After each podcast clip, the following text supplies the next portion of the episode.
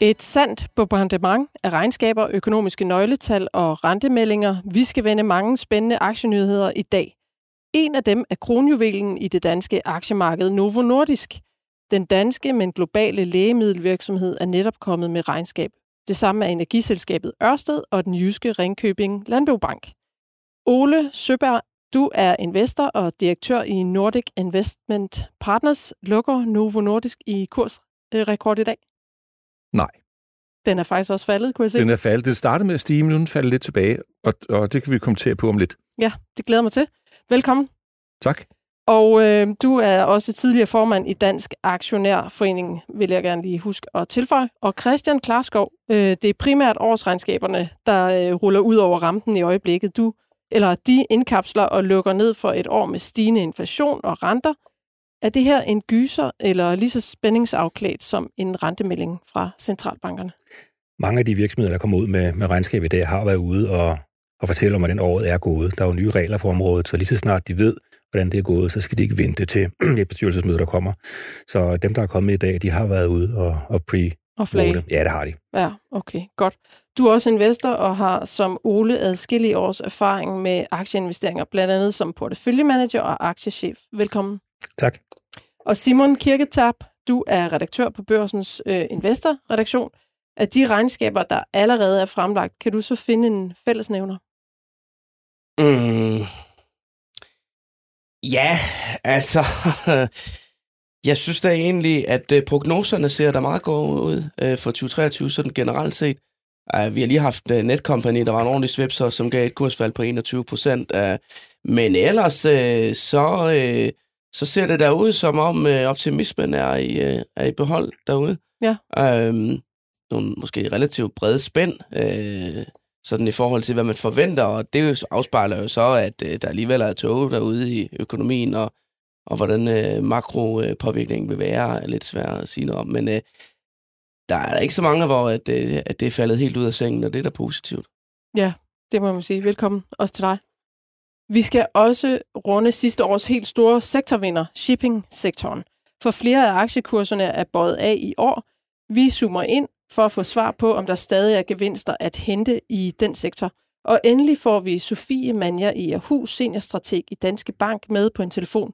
Hun skal give en overflyvning af makroøkonomien og gøre os klogere på ugens rentemøder – for de kan faktisk tænde op i aktiemarkedet. Så velkommen til dig, der lytter med. Mit navn er Gro Højer Tilst.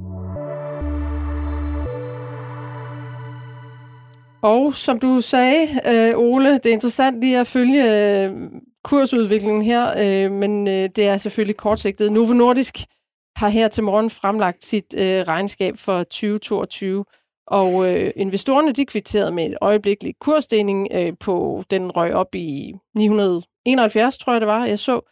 Men øh, hvad er det, regnskabet viser? Har vi stadig fat i et vækstselskab? Ej, det, det kan man roligt kalde det. Ja. Men det er også et vækstselskab, hvor du betaler for væksten. Ja. Så øh, helt overordnet, så er så voksede det med de her, øh, hvad blev det til? Det har jeg ikke engang fået noteret ordentligt ned. Og der er 16 procent. 16 procent, og guidance for, næste, for indværende år i, i fast valutakurs er 13-19 procent, så ja. det er altså det er det tre gange, spænd, øh... tre gange, måske endda fire gange så højt, som det omgivende aktiemarked vokser. Ja. Ikke? Så det er jo fantastisk godt. Uh, så bemærkede jeg, at uh, nogle af de nye produkter, de bulrer der ud af, og mm. så de lidt ældre produkter, plus uh, det, der hedder biosimilars, og, hvor det er væksthormoner og til bløderprodukter, det kører sådan øh, stille og roligt. Men altså Rubelsus og de nye vægttabsprodukter, de brager der ud af, og det bliver de ved med. Vigovi blandt andet, ja. ikke? Ja. Og så forkæler de jo aktionærerne sidste år med aktietilbagekøb på 49 milliarder kroner, og i guidede så på 28 milliarder kroner i indværende år. Øh, men de skruer altså også en del op for CAPEX ja. øhm, til 25 milliarder kroner og jeg har ikke fået tid til at studere, hvad Nej, det de investerer det her i. Men når jeg putter det hele ned i maskinrummet, jeg har en model, som er startet i 1997, og så er sådan løbende opdateret den hele tiden, hver gang der er kommet kvartal- og helårsrapporter, øh, så landede jeg mærkeligt nok, når jeg tastede det hele ind, så landede nutidsværdien på 941. Hold op. Ja. Så det vil sige, at den er nogenlunde, hvor den skal være nu. Altså, det er ja. ikke, fordi 941 er et facit men det er bare sådan en indikation af et eller andet niveau, den skal være. Så, så, så sad jeg og tænkte, okay, der sker nok ikke så meget til at svare på dit første spørgsmål. Omvendt, nu har der været en del dialog her i det sidste stykke tid, om Nova for dyr. Øh, det kan man jo så diskutere. Det kan godt være, at nu og her den ser lidt dyr ud. Mm. Men hvis de opretholder vækstraten de næste par år, og du samtidig mm. ser en kontraktion i, i øh, vurderingen, så det, hvis jeg har en PE på 25 hen i 2030, så lander jeg altså på en kurs i underkanten af 2.000. Ja. For de nuværende 940, eller hvad den er. Det lyder meget behageligt, Ole. Ja, og det giver 9% om året plus udbytter, og det kvalificerer altså rigeligt til, at den beholder jeg bare.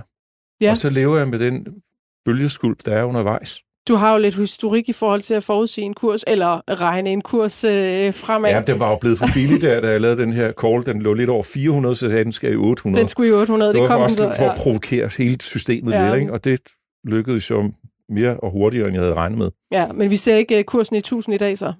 Nej, det, ja, så skal der ske et eller andet her i eftermiddag, som jeg ikke lige kan forudsige, men altså... Ja. Man ved aldrig, men der er trods alt øh, ret lang vej deroppe stadigvæk. Ja, du har, Øh, jeg måler men- tingene på cashflow, og cashflow for 2023 bliver jo mindre end for 2022, på grund af øgede investeringer. Ja. Øh, og så er der også mindre tilbagekøb, så jeg tror ikke, de der medvindsfaktorer, de er det, der skubber øh, Øh, Novo-aktien øh, til ny rekord i dag. Men nu ser man så øh, det her interval, de, de melder ud om forventning, at de kan, kan vokse salg af indtjening med 13-19 procent i år. Og altså, Novo har jo faktisk for vane at sådan indlede året ret forsigtigt, øh, og så opjustere igennem året. Det kan jeg også se, at øh, Citibanks øh, medicinalanalytiker øh, på sagen her, han har allerede været ude og udtalt det i en artikel øh, her hos os øh, tidligere øh, i dag. Så altså, det kan jo sagtens være, at vi ender over det der niveau, hvis de ligesom holder det, de plejer. Ja, sagtens. Altså, det, det har de ikke skrevet noget om, men script data for USA, nu er der jo kun lige gået en måneds tid, ikke? men den hastighed, det har lige for øjeblikket på den gruppe, der hedder Victosa plus Belsus plus Ozempic, så Victosa kører ned, de to andre kører op. Script data på den gruppe der hedder plus 60 procent i forhold til første øh, kvartal 2022.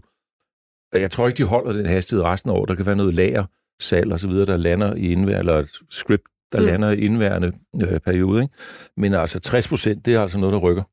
Men de penge, de skal ud og investere for, altså er de øh, opkøb af selskaber, eller er det øh, nye... Øh... Nej, det, kan, det er anlægsaktiver. Nå, det okay. Så, øh, men jeg har ikke lige undersøgt præcis, hvad Nej. det er. Men de Okay. er ved at bygge nogle flere ting i nærheden af Hillerød, forstår jeg, og så ved jeg ikke, om det er anlæg, der ligger over ved, i, på østkysten i USA, om det skal have en opgradering. De købte jo en fabrik for nogle år siden Ja. fra Fujitsu eller sådan en eller anden. Øh, og så har de lavet et nyt produktionsanlæg, det kan være, den lige skal have en ekstra kapacitetsudvidelse. Ja. Hvad med det produktmix, de sidder med? Altså, de har jo en... Altså, er det, ser det godt ud, altså, i forhold til øh, de her vækstrater? At, øh, altså, er det det rigtige hold at stille med, i forhold til at, at leve op til de høje PE-tal, øh, der er? Øhm, hvad siger du, øh, Christian? Jamen, Novo er jo, det er jo alle jo enige om, et, et fantastisk selskab, som så ovenikøbet er, er dansk. Øhm, Novo er jo stadigvæk i mange øjne et diabetes-selskab, men øh, i investorernes øjne er det jo et fedmeselskab. Mm. Øhm, hele GLP-1-området, som de er gået succesfuldt ind i, har jo transformeret Novo øh, og skudt vækstraterne op til et helt andet niveau, end, end de var øh, tidligere. Øh, de fik jo en, en, en ubehagelig overraskelse sidste år med, at de ikke kunne levere deres, øh, deres nye produkt, Wegovy, på grund af en, en, øh, en belgisk øh, underleverandørs med problemer. Jeg tror også, det er derfor, Ole, at de begynder at investere øh, noget mere selv. De vil gerne have mere Ja, kontrol over ja. deres værdikæde, fordi det er jo en ulykke for et selskab at levere et godt produkt, som lægerne elsker, myndighederne elsker, kunderne elsker, øh, og så kan man ikke levere det. Mm. Øh, det må være forfærdeligt at sidde både direktion og bestyrelse i sådan en situation. Men nu er der tjek på det, og som Ole rigtigt siger, vi følger jo alle sammen med i, øh, i de løbende data, øh, for, for scripts data, og vækstraterne er jo meget, meget store. Og hvis man laver en hver model for en virksomhed, øh, så skal man jo også vide, at hvis der er høje vækstrater på salget, øh, ja, så bliver man nødt til at investere i yderligere øh, maskiner. I Novos tilfælde er det fermenteringskar og, og fyldeanlæg osv. Så jeg er egentlig ikke bange for øget capex i Novo. Det viser kun mig, at de har, har tillid til, at de skal nok skal have kunder, der skal købe deres produkter øh, fremadrettet. Det er også øh, værdisætningen af Novo. Den har jo altid været dyr, kan man sige, og det skal den også være, fordi det er et kvalitetsselskab. Altså, ledelsen er fantastisk. De har nogle gode patentbeskyttelser på deres GLP-franchise. Insulin er jo ikke, ikke patentbeskyttet, skal man huske. Øh, men men øh, man kan jo lave alle mulige sjove regnestykker på, mm. hvor stort det her kan blive. Øh, jeg har set fra nogle dygtige analytikere nogle, nogle regnstykker, der siger, at hvis man bare antager, at, at 10 procent af verdens svært overvægtige skal have behandling med Vigovi, så taler vi om et salg på, på 200 milliarder kroner om året. Det er cirka det, som Novo Mm. sælger for i dag. Ja, det er det, det kommer til at passere i år i Præcis. omsætning. Øh, og det er 10 procent. Det er sådan nogle blue sky scenarier, som måske er lidt et fun fact på nuværende tidspunkt, for det kommer ikke til at ske de næste par år selvfølgelig, og der er også lang vej hjem, fordi øh, en Wegovy-behandling, øh, måske man kunne have brug for den selv, men jeg, jeg køber den ikke selv, men det er jo noget, der koster relativt mange penge, en, øh, afhængig af hvilket marked man er i, en 5-10.000 kroner om måneden, så vidt jeg husker. Øh, så det er jo ikke noget, en værd går ud og gøre. Det er faktisk ret få, der kan gå ud og betale det selv, og der er jo mange steder, hvor man ikke kan få tilskud, fordi det er jo rigtig mange penge for, for et sundhedssystem. Men som jeg husker det i hovedet, så er gæstværket på 2030, at der omsætter vi Govi for 100 milliarder danske kroner. Okay, Og det var, de landede på 100, og hvad var det, 140 eller sådan noget. ja, øh, det er pæn vækst. for indværende, eller for 2022, ikke?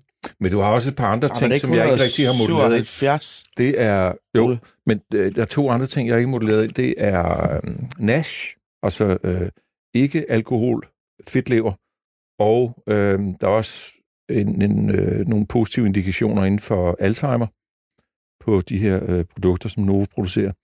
Øh, og, og det kan jo blive kæmpemæssigt, Mhm. fordi Alzheimer er den klart største øh, behandlingsområde i hele verden. Det er meget øh, dyrt, fordi det var nødt til at tage øh, personen ud af arbejdsmarkedet og nær pårørende, passe osv.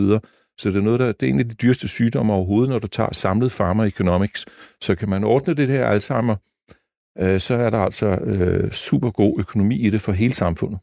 Men hvad, hvordan, altså det, vi kommer fra et insulinselskab, ikke? Eller diabetes, til at blive fedme, og så måske også Alzheimer's. Altså, noget, altså det er jo at udvide det måske øh, til noget, Ja, man ikke rigtig ved noget om, eller hvad? Eller hvad, hvad skal Altså, det man er det tænke der der? GLP'erne, det er sådan lidt wonder drug, ikke? og det er jo kun Novo og, og Eli Lilly, som faktisk har føretrøjen inden for det her, og så begynder der at dukke nogle flere op, som gerne vil det. Øh, men det er de to, som fuldstændig dominerer markedet.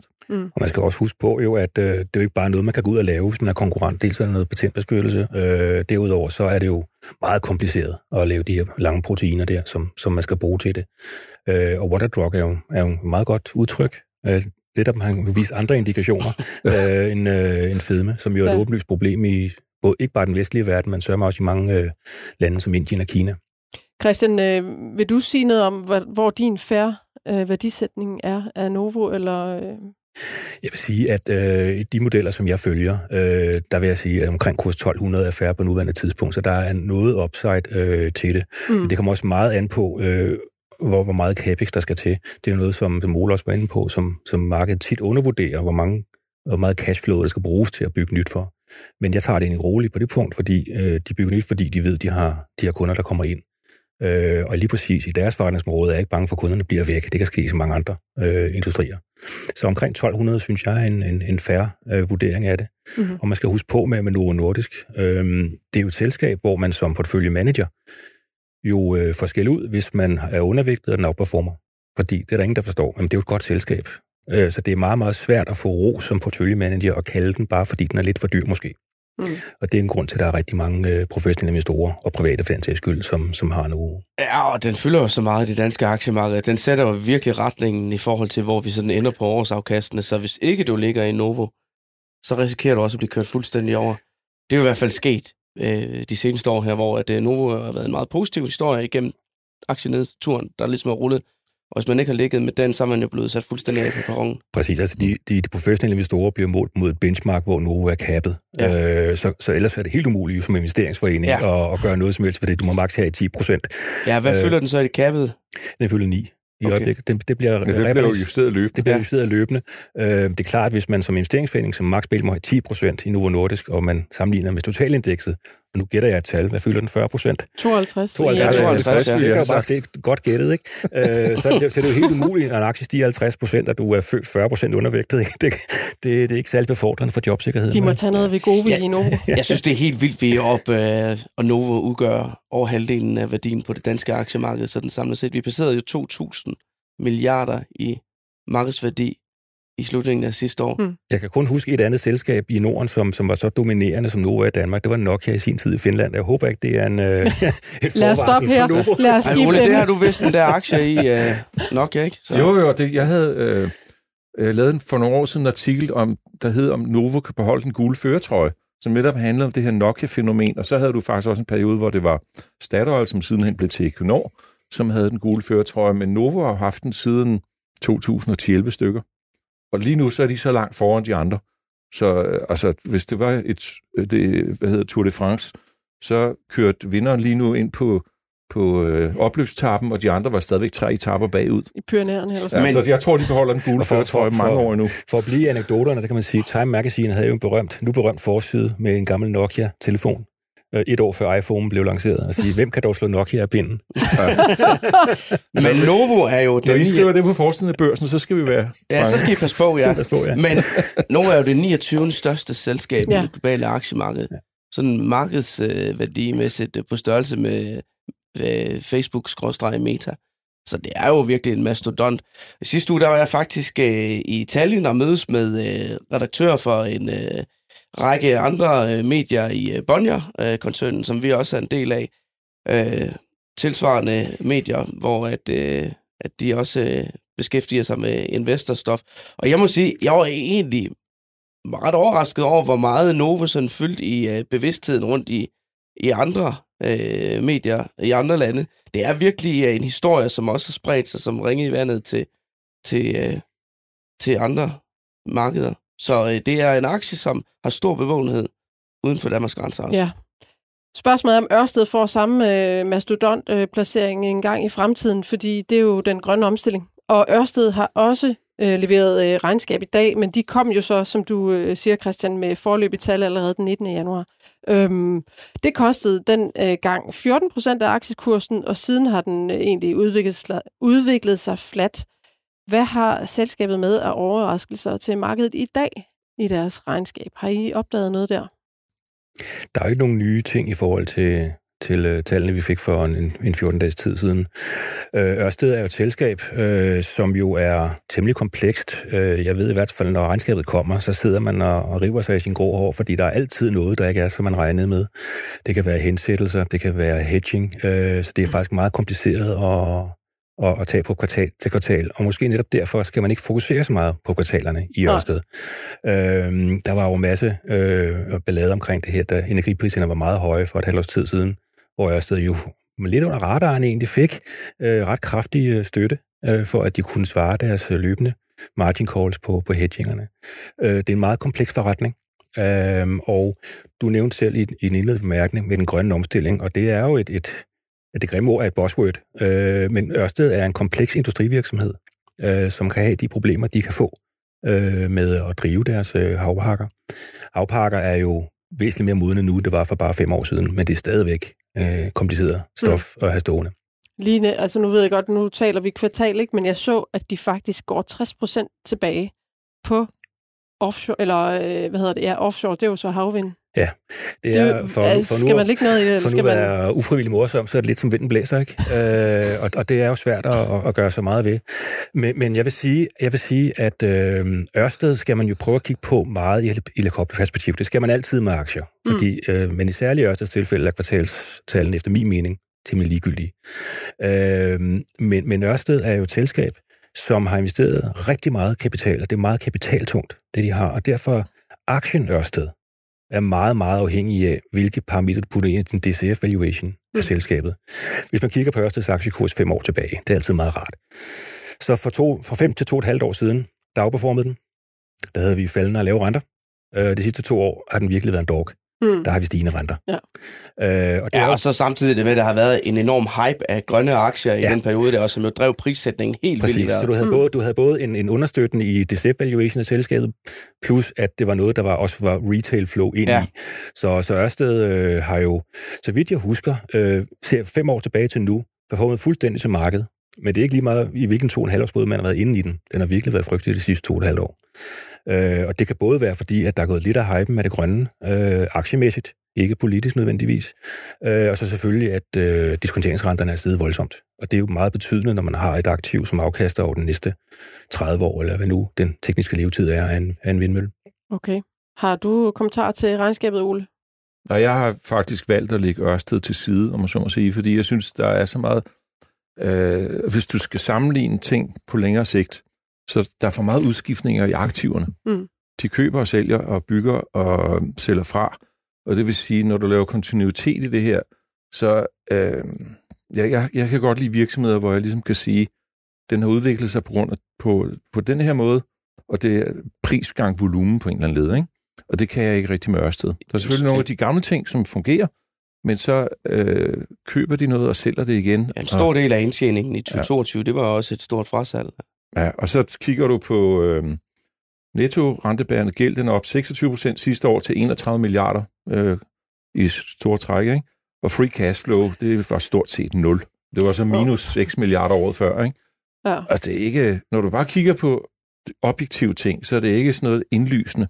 Men jeg er meget positiv over for den grønne omstilling. Og hvis du tager alle selskaber i den grønne omstilling, så er børsværdien af dem tilsvarende Novo. Okay. Det er det, der er sådan lidt... Øh, så Det der er et eller andet sted, hvor der ligger noget værdi, men Ja. der er rigtig mange af de selskaber, som du kan investere i for den grønne omstilling, som har nogle meget volatile og ikke særlig solide forretningsmodeller indtil videre. Mm. Men det havde du også i 70'erne, når PC'en, eller computeren var opfundet, ikke? PC'en kom først i 82. Øh, men i starten var det jo meget forvirrende, og hvem blev vinderne? I princippet var det jo Microsoft og Intel, der løb med hele rosset, eller hele guldet. Ikke? Mm. Så, så øh, jeg går og leder efter noget inden for den grønne omstilling, som svarer til Microsoft Intel, og jeg har ikke fundet dem endnu. Det glæder vi Og- os til at høre om, når du gør. Og i Jeg køber forhold, først, før jeg siger det. og i forhold til, øh, til den forventede indtjening for 2023, så er det sådan, at de forventer en stabil indtjening i, i Ørsted. Øh, og vi så jo City øh, være ude og kalde den prognose for skuffende, da den første gang blev præsenteret for, for to uger siden. Så det var da ikke sådan, at man har armene op over hovedet Nej. i forhold til udsigterne lige nu og her i hvert fald. Nej, heller ikke her i studiet, kan jeg høre. Skal vi springe videre så til den sidste øh, aktie, vi lige skal vende øh, i forhold til de øh, regnskabsaktuelle i dag? Det er Ringkøbing Landbobank. Øhm, Der kan vi tage armene op over hovedet i ja, stedet for. men inden vi gør det, og inden vi åbner regnskabet, så vil jeg gerne lige give et tilbageblik på kursudviklingen og holde den op mod det danske øh, aktieindeks C25 og et par andre bankaktier. Det er, der har jeg taget Jyske Bank og Danske Bank blandt andet. Øh, og så øh, har jeg også taget det europæiske bankindeks, Eurostox Banks. Øh, alle afkast er inklusive udbytte og trukket i danske kroner, og så har jeg, er jeg gået 10 år tilbage. Og der viser det bare, at Ringkøbing Landbobank er bare fra en helt anden øh, afkastplanet. Øhm, her har investorerne opnået et afkast på 630 procent mod 78 procent i Danske Bank. Omskrevet til et gennemsnitligt årligt afkast er det henholdsvis ca. 22 procent mod 6 procent i Danske Bank. Øh, det er altså 10 år med en årlig mere performance til landbrug, øh, eller Landbobanken på 16 procent. Øhm, helt skidt er det gået for de europæiske banker i det her indeks, jeg har trukket. Øhm, de har leveret 31 procent øh, i 10 år, eller 2 procent om året. Så efter inflation og skat svarer det til en depressiv investor. Så med det en mente, hvordan går det, Simon, i Ringkøbing øh, Landbobank? Jamen, det går jo lige ud af landvejen. Og jeg synes jo næsten, at øh, du sælger den sådan lidt for, lidt for træt øh, grå. Altså, fordi jeg har jo også siddet og kigget lidt i, i tallene, og at det er jo sådan en af faktisk en lidt overset aktie, men jo en af de helt store aktiestjerner på øh, det danske børs, vi har med at gøre her. I dette årtusind, med geninvesterede udbytter, har Ringkøbing Landbank faktisk givet over 8.000 procent i afkast. Det gør, at øh, det er den fjerde bedste aktie overhovedet i Danmark i den periode. Altså to- 2000. Ja, siden, år, to, siden Ja. år 2000 er kun overgået af DS Norden, Ambo, DSV, og så faktisk lige skarpt for fuldt af Novo Nordisk. Øh, og, og de seneste fem år er den også i top 5. Så det er virkelig øh, super, super flot afkast, Ringkøbing Landbobank har præsteret. Og det er jo ikke sådan hverdag i banksektoren. Det Ringkøbing Landbobank har været ekstremt dygtige til altid, det er at holde omkostningerne ned. Deres omkostningsprocent, den er sådan lige, øh, er den lige godt og vel over 30 procent af, af det, de får ind i indtægter. Danske Bank øh, har ligget i en lang periode omkring 60 procent. Så, øh, så der kan de noget. Mm. Og så har de været gode til ikke sådan at rode sig ud i, i noget, noget øh, farligt finansielt. Ja. Øh, de kom jo rigtig godt igennem øh, finanskrisen også, øh, og de er, sådan, de er kendt for at være, være konservative. Øhm, jeg var faktisk over at besøge dem for 10 år siden, tror jeg. Det var øh, dengang øh, den nuværende topchef øh, John Fisker, han øh, var nummer to, og direktøren han hed Ben Nauer. Og det er jo egentlig meget tydeligt, når man træder, træder ind i deres hovedkontor derovre i Ringkøbing, at der er ikke sådan store armbevægelser. Altså, øh, øh, Ben Nauers kontor dengang der, det lå jo sådan 3-4 skridt øh, væk fra, øh, fra hoveddisken i, i bankfilialen der. Øh, så, øh, så de sådan virkelig kendt for at være modholdende i forhold til øh, ikke at fyre den af øh, med omkostninger. Og det er jo sådan det, der, øh, der har skabt den her store banksucces. Kan det blive ved?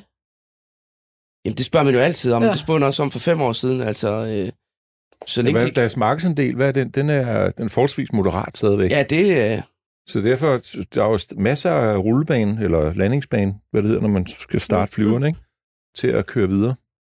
Men det er klart, på et eller andet tidspunkt, så bliver deres markedsandel så stor, at væksten kan aftage, og så bliver det mere øh, fokus på at holde omkostningsprocenten meget lavt, Mm. og så bruge overskudslikviditeten til udbytter eller aktietilbagekøb. men i forhold til en bankaktie er den jo voldsomt dyr prissat. Altså, man betaler øh, tre gange den bogførte værdi.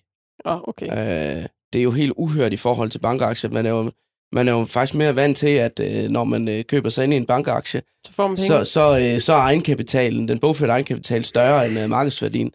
Øh, og det samme, hvis man ser på, hvad koster indtjening. Altså så øh, prisen for en krone af den forventede indtjening her i 2023, den er, øh, den er 18 kroner.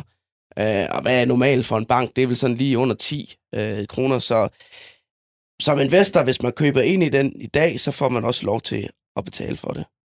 Ja. Og nu har vi sådan set snakket rigtig meget, øh, ikke om det regnskab, de er kommet med i dag, men det var sådan nogenlunde på forventningerne. Okay, Så- jeg så i hvert fald, at deres omkostningsprocent var på 9. Men det er igen bare øh, et år. Øhm, Nej, det må være højere end 9. Ja, det må ja, ligge op i 31 30'erne. procent, 31 procent, tror jeg. nå, så ved jeg, Jeg ikke, fik hvad det bare var, downloadet og jeg så læste mig til. forside. Det, øh, det må jeg... 31,1. Okay, Jamen, det er godt, at øh, jeg ikke fylder øh, lytterne med noget, der, der ikke er rigtigt. Men okay, men, men altså, skal vi øh, sige, det var det, eller vil du sige lidt mere om selve regnskabet, Simon? Eller? Jamen, altså, det er jo egentlig på linje med det forventede, men jeg ved ikke, altså, Ole og Christian, er det en aktie, I øh, har gjort jer i? Jeg har, jeg har fulgt den i mange år, og for en leder er faktisk en fyr, der arbejder i, øhm, i Ringkøbing Landbobank, som engang sagde, hvornår køber man Ringkøbing Landbobank? Altid. Fordi det, det er... Og det har han jo haft ret i, men jeg valgte faktisk øh, før corona at sælge ned, fordi jeg tænkte, jeg ville bruge likviditeten et andet sted, og det har, altså der købte jeg nogle flere Novo-aktier. Jeg har faktisk ikke målt det, men jeg gætter på, det er ikke, øh, øh, balancen i det der regnstykke har været okay. Mm. Den havde det lidt svært sidste år. Jeg havde den, jeg havde den Øh, faktisk i 10 år. Ja. Men lige for øjeblikket har jeg den ikke. Du er hvad, generelt bankaktier. Øh, hvordan har du det med Jeg har lige nu? en bankaktie for En. øjeblikket. Det er Danske Bank, som er kommer med regnskab i morgen. Den kan vi øh, tale om lidt senere, fordi den ligger også i vores øh, portefølje. Det gør Men den øhm, tak for øh, det.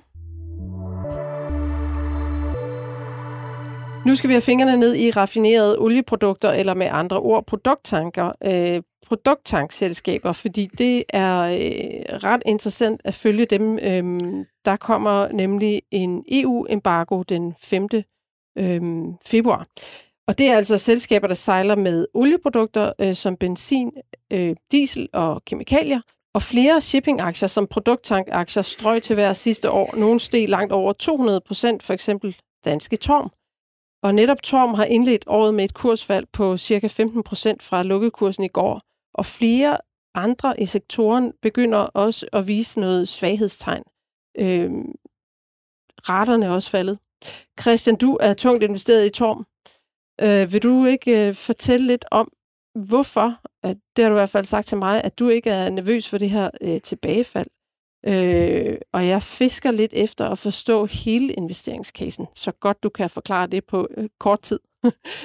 hvorfor er du ikke nervøs for, at øh, raterne falder og kurserne falder? Tak for, for, for den indledning. Jo, øh, Jeg er meget, meget, meget positiv på lang sigt. Jeg skal gerne forklare, hvorfor. Øh, det er jo klart, at når aktie som Torm steg med 300 12 eller 20 procent sidste år, så kigger man altid med nervøsitet på, på en, en kurve, øh, hvad aktien har gjort. Det skal man ikke være så nervøs for. Øh, Torm har jo været fantastisk. Øh, jeg vil gerne komme tilbage til, hvorfor jeg stadig tror på, at den er fantastisk. Øh, og det var også en god baggrund til en god performance, jeg havde sidste år. Øh, man skal altid ved investeringer prøve at dele det op øh, i meget lang sigt, lang sigt, og så kort sigt, som jeg kalder for, for støj. Øh, på meget lang sigt, det vil sige sådan 3-10 års sigt, øh, der er sket noget i øh, produkttank. Produkttank, det er jo ikke råolie, det er jo diesel, øh, det er jo fuel oil, benzin og noget, der hedder nafta, som man bruger i industrien. Og øh, for, for, indtil for ganske få år siden, så var det jo sådan, man, man hævde olie op, typisk i Mellemøsten, puttede det på råolietanker og sejlede til Rotterdam og andre gode steder og fik raffineret sin råolie til alt det, man skulle bruge. Olie kan man ikke bruge til ret meget, andet end at raffinere. Øh, det, som der så er sket, det er, at øh, typisk i Mellemøsten, Indien, øh, har man så selv bygget raffinaderier øh, af mange årsager. Dels fordi, at de raffinaderier, der ligger på havnene i den vestlige verden, de er blevet lukket, enten på grund af miljøhensyn, eller fordi man vil bygge boliger i stedet for. Øh, og de var også typisk fra 70'erne, og man har ikke kunnet lave dem effektive nok.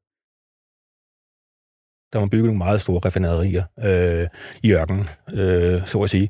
Øh, og så sejler man så på, på, øh, på produkttankskibe til den vestlige verden. Det er jo nogle meget komplekse handelsmønstre, øh, men det er sådan den store klinge, der er blevet ændret der. Der er der ikke noget nyt i. Øh, det er egentlig en gammel ting. Øh, men det betyder, at, at den efterspørgsel, der er, som man måler det, der hedder ton mile, altså hvor meget transporterer man hvor langt, den, er, den har været stødt stigende. Det, som produkttankskib rederierne altid har gjort, øh, ligesom andre, ligesom containerskib og bolkere. det er, når det går godt, så bestiller de mange nye skib. Så de udlægger det for sig selv, det er det altid gjort.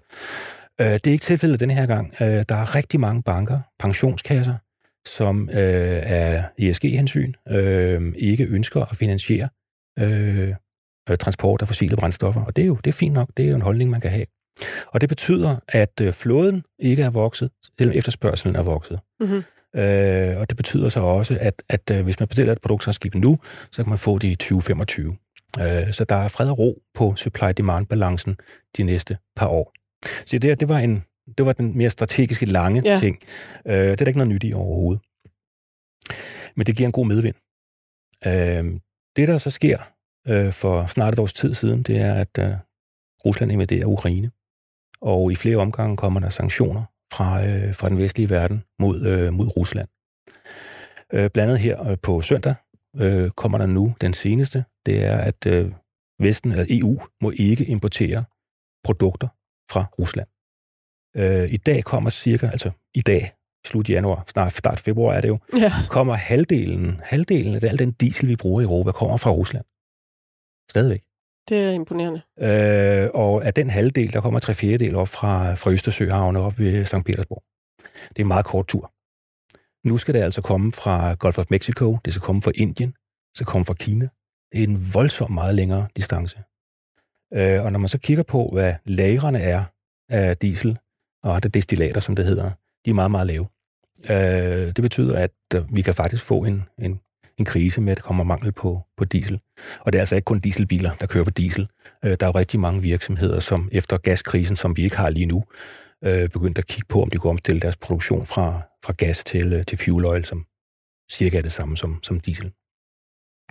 og de, de fragtdistancer, der kommer der, bliver meget, meget længere. Det ved markedet også godt. Mm.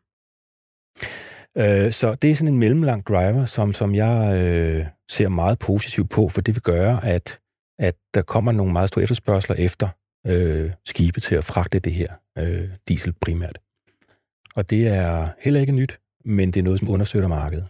Men hvis det ikke er nyt, altså hvorfor er det så, vi ser... Øhm, altså, vi så vel kurserne stige sidste år på baggrund af det, du her øh, har sagt, ikke? Og så har vi set dem knække øhm, den seneste stykke tid. Så hvad er det knæk et udtryk for? På den korte bane, som jeg kalder for, for støj, det er klart, at det er jo altid raterne, der bestemmer øh, øh, stemningen på kort sigt. Og så er vi meget rundetal, også afhængig af skibstype. Det er lidt kompliceret, men øh, for et års tid siden lå en, en, en rate på 10.000 dollar om dagen. Øh, det var helt op at kysse 70, næsten 100.000 dollar om dagen, da der var panik i efteråret 22. Nu er de retter ned omkring 20.000, 30.000, men stadigvæk ganske lønsomt øh, for, for produkttankskibene. Øh, jeg skal ikke kloge mig på, på de kortsigtede retter. Det er som sagt nogle meget komplekse øh, systemer, mm. der kører, men der har været meget med øh, øh, kinesisk nytår. Der har været øh, jul. Det er altid lavsæson. Øh, så har der været stor forvirring, øh, også for mig. Kina, vi kommer tilbage til det i makro-gennemgangen, ja. der er jo en, øh, en zero-covid-policy, der er sluttet. Man kunne være bange for, at Kina ville lukke helt ned på grund af sygdom. Øh, man kan også håbe på, at det åbner igen. Det er jo, juryen er stadig ude på det. Øh, og der er også selvfølgelig om, øh, hvor og hvornår og hvor dyb eventuelt bliver recessionen i den vestlige verden, for det har også en effekt på efterspørgselen efter brændstof. Så der er mange ting, øh, der har været usikkert der. Men øh, rater, spotrater er jo mm. i sagens natur meget volatile. Er der noget, der er lidt mindre volatilt, som jeg kigger på, det er øh, langsigtede kontrakter, fragt for diesel for eksempel. De er slet ikke faldet. Okay. Fordi man ved godt, der er strukturel efterspørgsel. De ligger noget højere, end spotretterne ligger nu. Og øh, den helt store, øh, den helt store øh, gode ting her, det er, at prisen på brugte skibe, brugte produktionsskib, de er fortsat med at stige og sætter nye højder. Så sent som her i sidste uge købte Torm faktisk øh, syv store LR tankers øh, til, til meget høje priser. Ja, 233 millioner dollar kunne jeg se, de brugte Ja, de udvidede flåden med, med cirka 10 procent i, øh, i, i ton. Øh, og det er alligevel en, en statement, de kommer med. Øh, øh, så de tror i hvert fald på det, siden de går ud og køber syv skibe. Øh, Hvis vi lige men, skal tilbage til EU-embargoen, der er trædet i kraft her, altså er det indregnet, eller kan vi forvente, der kommer noget mere? Altså den her udbud efterspørgsels... Øh, kurve, der ikke er helt... Øh... Rederierne ved det jo selvfølgelig, at øh, fra på søndag, så må du ikke sejle med, med diesel fra St. Petersborg til Rotterdam mere. Ja. Og det kommer ikke til at ske, så det skal hentes ned. Det jeg jo tror, og det er så mit gæt, for det er komplekst, og meget, meget mere komplekst, end jeg kan, jeg kan regne igennem, det er jo, at indtil embargoen, der har man haft meget travlt med at få sejlet en masse øh, fra, øh, fra, fra, Rusland. Ja, fra Rusland til, til, til, til, til, EU, til EU. Så, så jeg øh, skal ikke spore om, hvad spotretteren er om, om en uge øh, eller to, øh, men jeg er egentlig også ligeglad, øh, fordi jeg kan se, at de langsigtede fragtkontrakter ligger på et pænt niveau, og skibene, som egentlig er det rigtig tunge, de fortsætter med at, at stige. Så, så hvis du mener, at Torm, øh, der er mere at hente i den, altså vil du sige lidt om, hvad, hvad, hvad du sigter efter, eller hvor du begynder at tage profit? Jeg vil sige, alt under 250, øh, synes jeg, er, er et røverkøb. Ja, hvad ligger den i nu? 175-75 stykker. Ja, eller sådan så der er 44 procent op ja. Og, det kan øh, også bruges. Ja, og det, det man skal huske på også med, med, med rædderierne, man skal sige, at historisk set har de altid kvaret sig.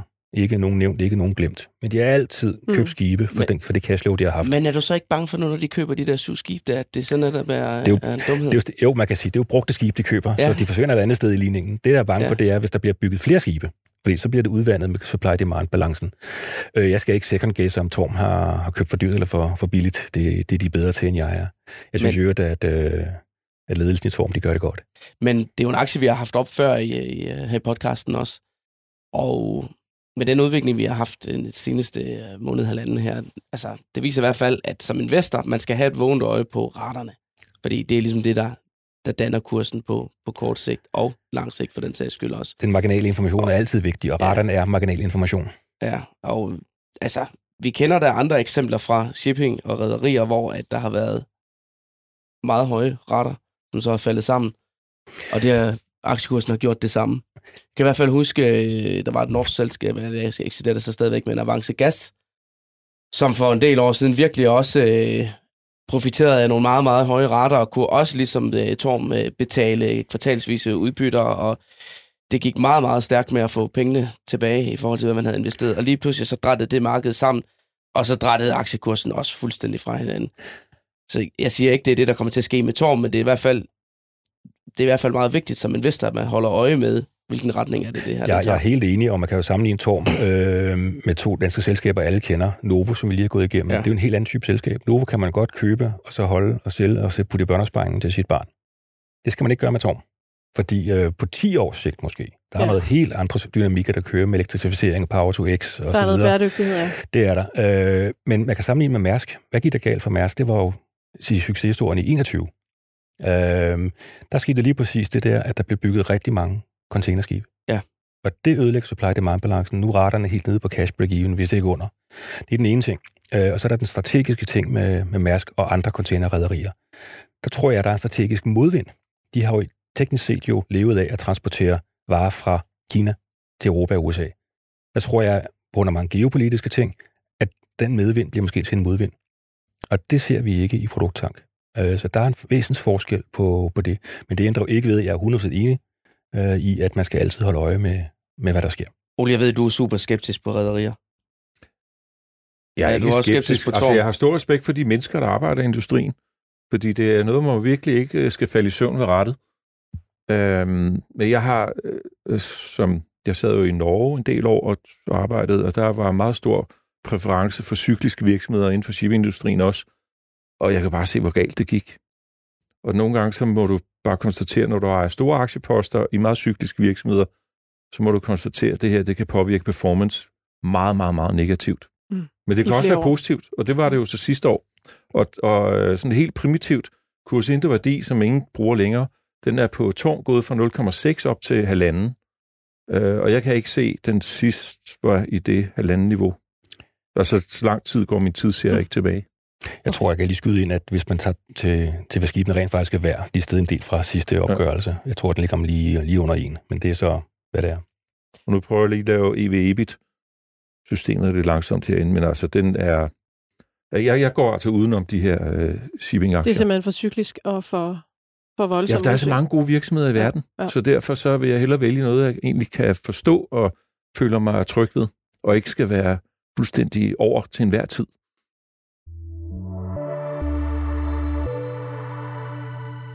Udover at ugen er tung på regnskaber, så er den også tung på rentemøder, og i aften kommer den amerikanske centralbank med en rentemeddelelse. I morgen er det den europæiske centralbanks og Bank of Englands tur. Sofie Manja Egerhus, du er seniorstrateg i Danske Bank, og du holder netop øje med de her møder. Kan du sætte os ind i, hvad der øh, er sket siden sidste rentestigning i USA? Og øh, ja, lad os begynde med Federal Reserve, som jo er den amerikanske centralbank. Ja, det kan jeg. Øh, altså siden sidste rentemøde, så har vi jo set fortsatte tegn på, at inflation er på vej ned i USA, og lønpresset er faktisk også ved at aftage en smule. Øhm, og det mener vi giver den amerikanske centralbank mulighed for at skrue lidt ned på størrelsen af renteforholdelsen i forhold til de her meget markante stigninger, vi så sidste år. Ja. Så derfor regner vi med, at Fed hæver renten med 25 basispoint Det er i også, aften. tid. ja, og det er ligesom det, øh, markedet også har indpriset, ikke? Øhm, Ja, lige ja. præcis. Altså, så selve den her renteannoncering, det regner vi ikke med giver den store effekt. Det er det, markedet også forventer. Hmm.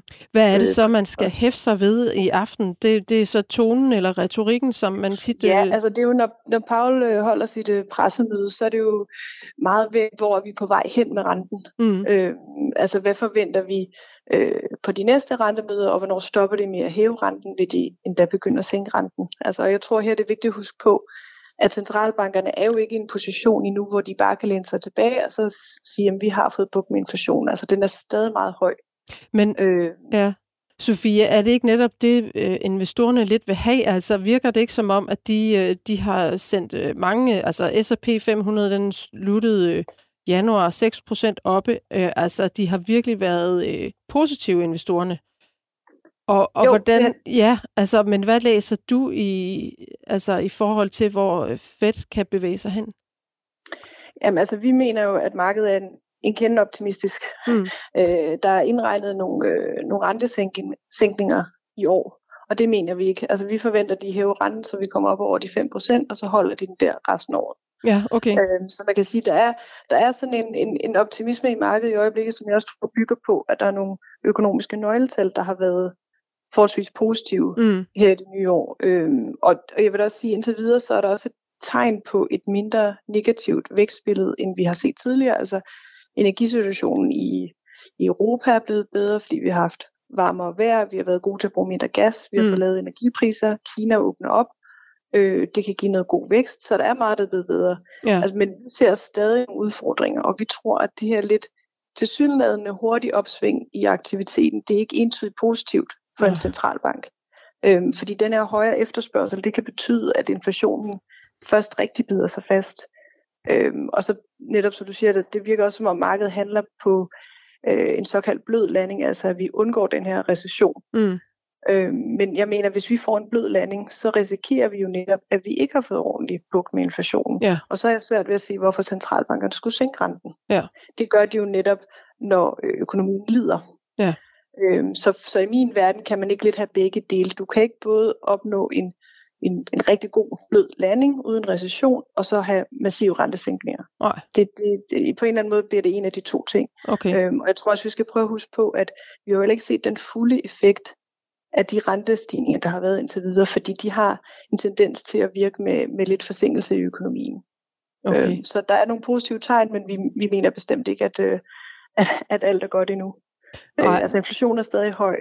Øh, de kan ikke læne sig tilbage nu. Nej, så de, øh, det kan godt være, at de går ned i, øh, i øh, hvor, hvor meget de hæver renten med, men den bliver høj længe. Øh, Ja, altså Ja. vores forventning er, at de hæver den med 25 basispoint på de næste tre møder, inklusive det i aften, Okay. og så holder de den resten af året. okay, ja. Øhm, ja, Skal vi kigge mod ECB, altså den europæiske centralbank? Øh, hvad, hvad kan man forvente her i, i morgen?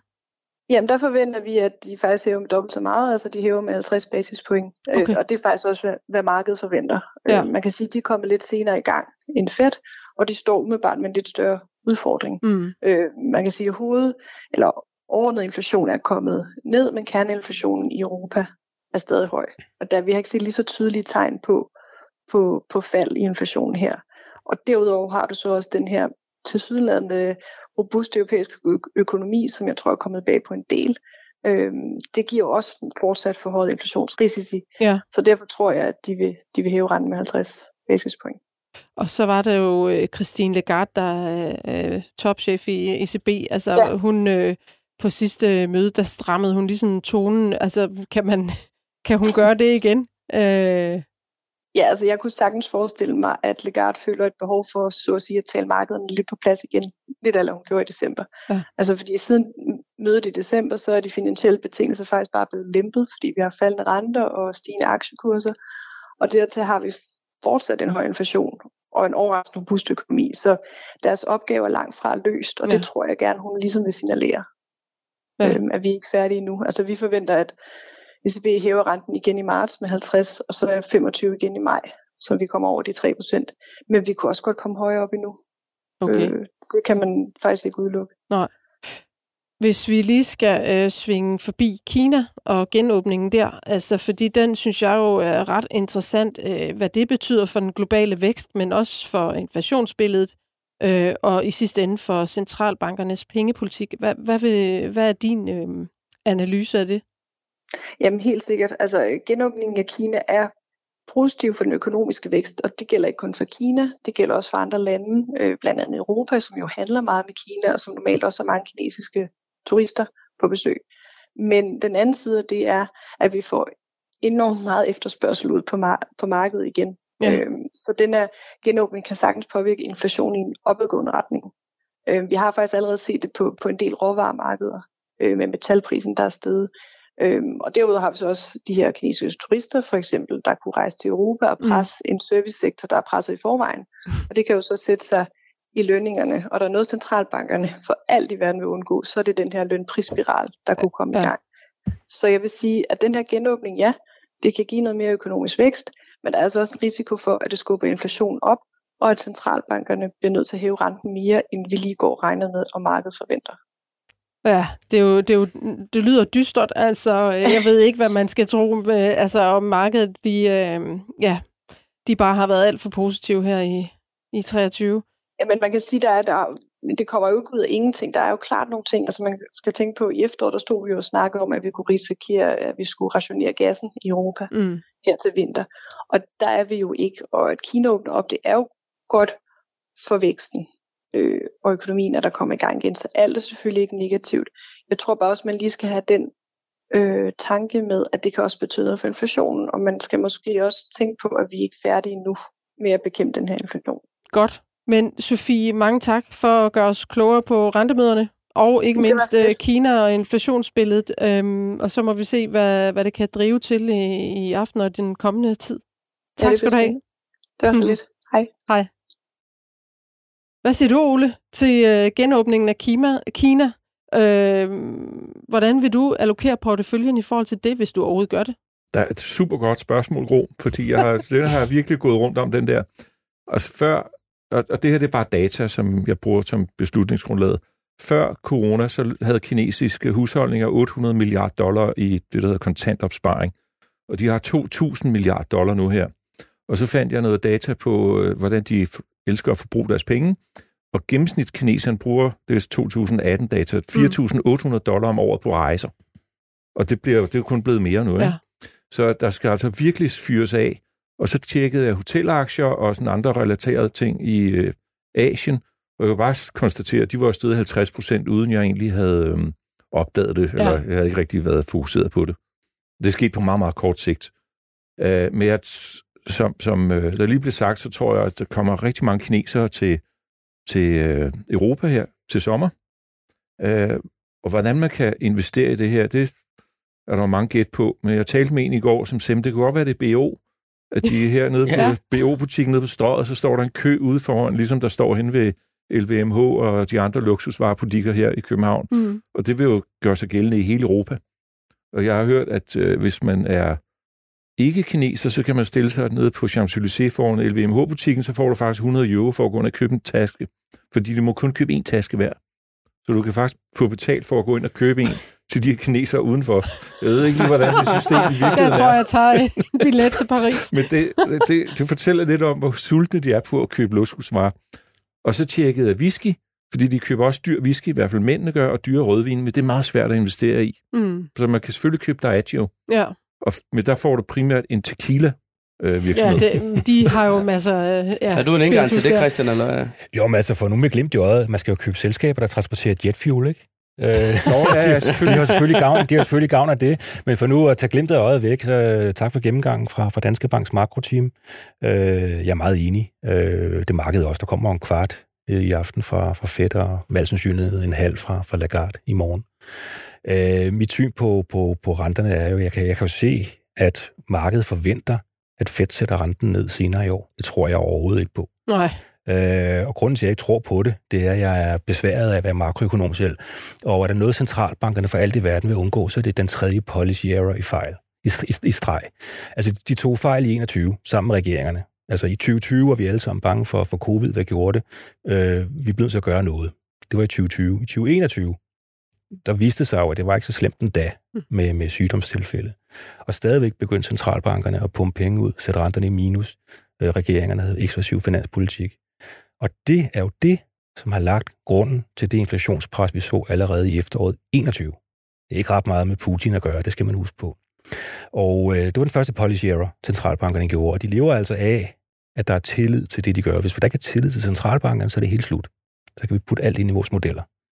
Øh, den anden policy error, det var jo, da de var ude at sige på det gode danske ord, at inflationen var transitory, midlertidig. Det var, Ja, det holdt det ikke. det var også groft forkert. Ja. Øh, jeg tror simpelthen ikke på, at centralbankerne tør at tage foden fra bremsen for tidligt. Hvis de gør det, og tager fejl igen, og inflationen den popper op en gang til, så har vi et meget grundlæggende problem i hele den finansielle verden. Øh, så derfor tror jeg ikke, det gør det. Og øh, jeg, jeg vil sige, at inflation er jo et, et dyr, som, som øh, hvis man ikke har studeret, så er der mange, der ikke kan huske det.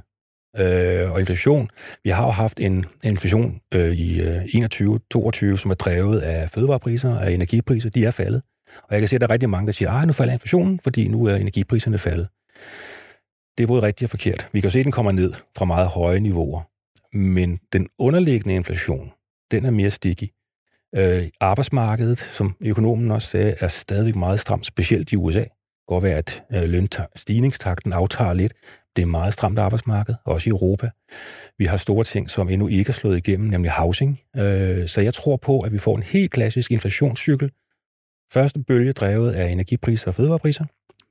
Og før det drevet af, at der har været alt for ekspansiv finans- og pengepolitik.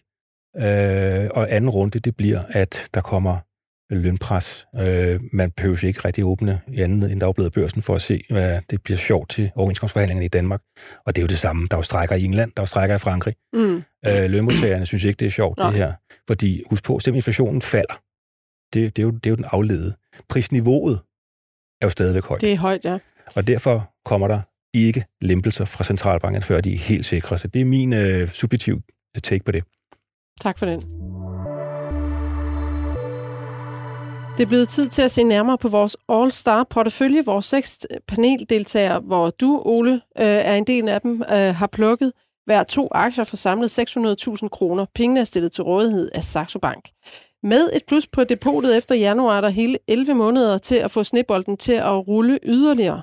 Øh, for vi vil jo gerne give pengene videre til et øh, velgørende formål. Simon, hvor stor er snebolden? Ja. er der sket noget spændende? Ja, jeg synes, der er sket øh, spændende ting. Vi har jo heldigvis næsten glemt, at vi tabte penge sidste år. Øh, vi har faktisk øh, hentet mere, end det tabte ind, kan man sige. Fordi vi tabte 23.000 sidste år, og lige nu er vi plus med 27.000. Vi har været lidt længere op, men det går da, det går da rimelig godt. Øh, noget af det, der er spændende i porteføljen, det er jo øh, vores GN Store nu aktier, mm. som øh, vi fik købt ind på et rigtig, rigtig godt tidspunkt. De steg knap 38 procent siden, at, øh, at vi slog den handel. Men øh, der, fik jeg, der fik jeg faktisk øh, selv fingrene i en øh, ret interessant øh, aktierapport i går. Fra Nordea? Øh, fra Nordea, ja. Øh, og øh, de to analytikere, øh, Michael Nomod og Martin Brænø, som øh, udråber det øh, GN til et øh, oplagt øh, opkøbsmål. Og det er jo også det, vi øh, sådan har snakket om rigtig mange gange i podcasten efterhånden. Fordi der skete jo det, at øh, konkurrenten D-Mans hovedejer, William D-Man Invest, pludselig gik ind og købte øh, godt og vel 10% af aktierne i GN øh, her i efteråret. Samtidig med, at øh, GN Store Nord står et sted, hvor de sådan faktisk er lidt presset. De lavede et øh, stort opkøb til 8 milliarder kroner i øh, slutningen af 2021 af det selskab, der hedder SteelSeries, som har gældsat selskabet. Samtidig så er de presset på indtjening, som gør, at øh, deres indtjening faktisk, øh, eller deres gæld er seks gange større end øh, driftsindtjening. Og det er altså noget af det, der, øh, der sviger i et selskab, øh, fordi sådan det normale gennemsnit for C25-selskaberne, det ligger på 2,3. Øhm, så øhm, de, øh, de har lidt at slæbe rundt på. Så hvis man køber så, det op, så kan de få en rigtig god øh, gevinst der? Ja, nej, men det, der ligesom øh, bliver spekuleret allermest i, det er jo, at øh, de sælger høreapparat-delen fra til øh, Demand, mm. øh, fordi det passer ind derovre, og så har de deres øh, GN Audio, hvor at, øh, det her SteelSeries ligger i, og deres headset-produktion. Øh, og det vil jo nok kunne gøre GN øh, gældfrit. Ja. Og de kan komme fri af, okay, af den her ja. pukkel. Så der ligger jo en øh, potentiel gevinst og, øh, og lurer der, og det er da som om, øh, aktiemarkedet også har fået øjnene op for det, i hvert fald i dagens handel. Den er op med knap øh, 5% i dag. Øh, så det synes jeg, der er spændende at følge med i, øh, hvor det ender hen. Og i øvrigt, øh, når det sætter en øh, købsanbefaling på aktien med et kursmål på, øh, jeg mener, det var 230, 30. ja, ja. Øh, og den ligger pt. i øh, 175. Okay. Øhm, men jo en aktie, der har været på en meget, meget hård tur og faldt næsten 80 procent øh, fra toppen i, i 21 og frem til bunden i øh, oktober. Mm. Det har været øh, en hård tur. Det har det bestemt. Det har det bestemt. Så den synes jeg, øh, den synes jeg er ved at hæfte sig ved. Og så, øh, Ole, det er jo længe siden, vi har snakket om dine aktier, øh, SimCorp og Mercedes. Har du selv noget der, du synes, vi skal... Øh, ja, de kommer med deres næste opdatering øh, den 16. og 17. februar. Så der er lige et par uger til. Øh, på på SimCorp. Jeg tror ikke, alle de her kinesere, der kommer til Europa, de har tænkt sig at købe SimCorp-software. Men, øh, Nej, det har de nok ikke. Men øh, det kan være, at øh, et firma, der hedder Thomas Bravo i Chicago, kunne tænke sig det. Det er en private equity fond, som samlede fra august til december sidste år, samlede de 32 milliarder dollar op til en ny øh, private equity-runde. Øh, og der passer SimCorp faktisk meget godt ind i øh, i hvert fald deres opkøbsstrategi. Men de kan også godt lide at finde en exit allerede, når de går ind. Og så kan man spørge, hvem kunne tænke sig at være, hvem skulle de slå SimCorp sammen med, hvis det er dem, der gør noget. Det ved jeg jo ikke noget om. Uh, så jeg, vil, jeg afventer lige resultatet, og jeg tror ikke, det bliver noget super godt resultat. Uh, lønsomheden skal nok holde, men omsætningen tror jeg, de kommer til at skuffe lidt på. Uh, og så se retorikken rundt om regnskabet, regnskab, hvad der sker. Så den har jeg sådan lidt overvejet at skifte ud. Fordi vi skal jo have noget, der, så der kommer nogle godgørende midler. Skal det efter regnskabet, tænker ja. du? Ja. ja. Øh, vedrørende Mercedes, så ligger aktien, den er jo faktisk stedet ret pænt, hvilket virker helt mærkeligt i betragtning, at vi er på vej i en recession og stigende arbejdsløshed. Ikke? Hvorfor stiger, stiger aktien så i, i de dyre biler? Den er op med 7,5 procent, siden vi købte den, ja. Ja, og det er, det er jo så siden juni eller sådan noget ja. sidste år, ikke?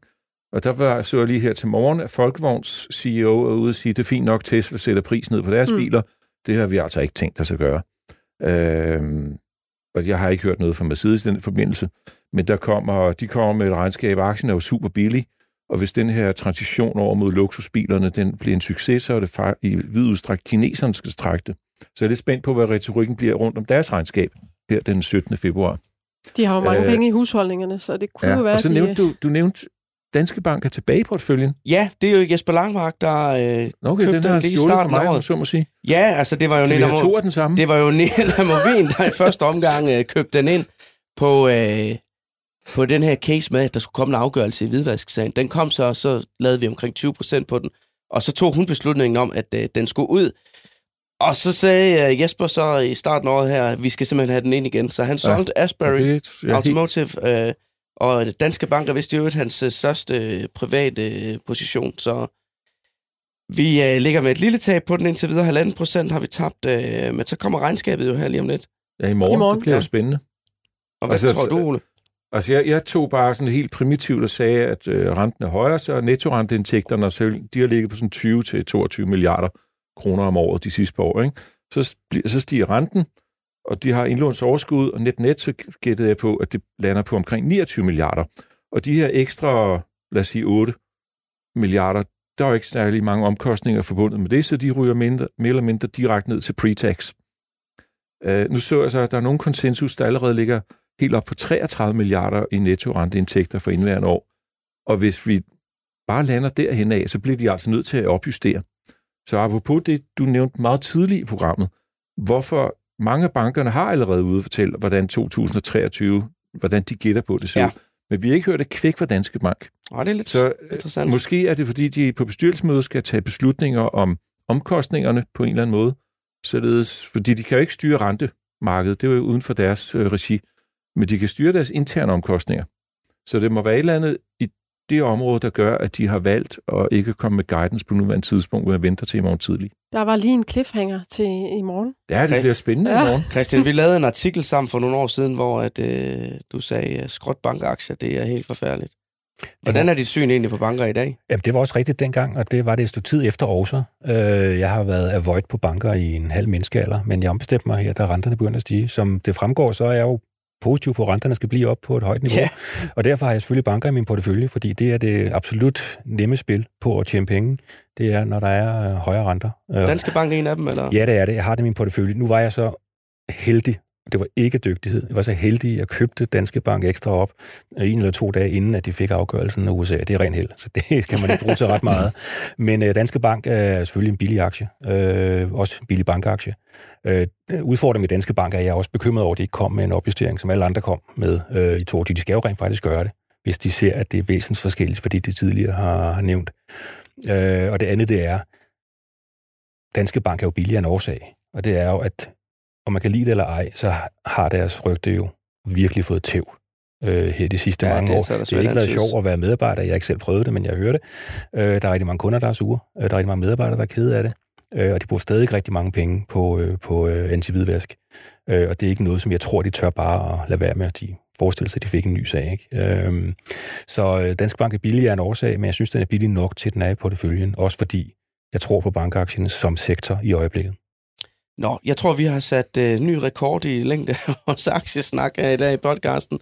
Så vi må nok hellere øh, runde af for porteføljen også, og så kan vi jo bare sige, at øh, hvis I lytter derude vil se øh, porteføljen i øh, sin sammenhæng, så ligger der et link i podcast-teksten til Saxo Banks hjemmeside, hvor man kan se samtlige 12 øh, positioner.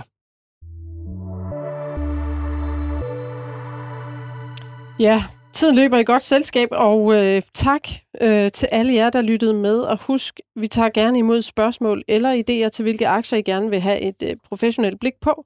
Ris og ros modtages også gerne på investor-borsen.dk. Vi høres ved næste gang. Vi har en Børsen Investor podcast klar, og det er onsdag den 8. februar. Tak til jer i studiet.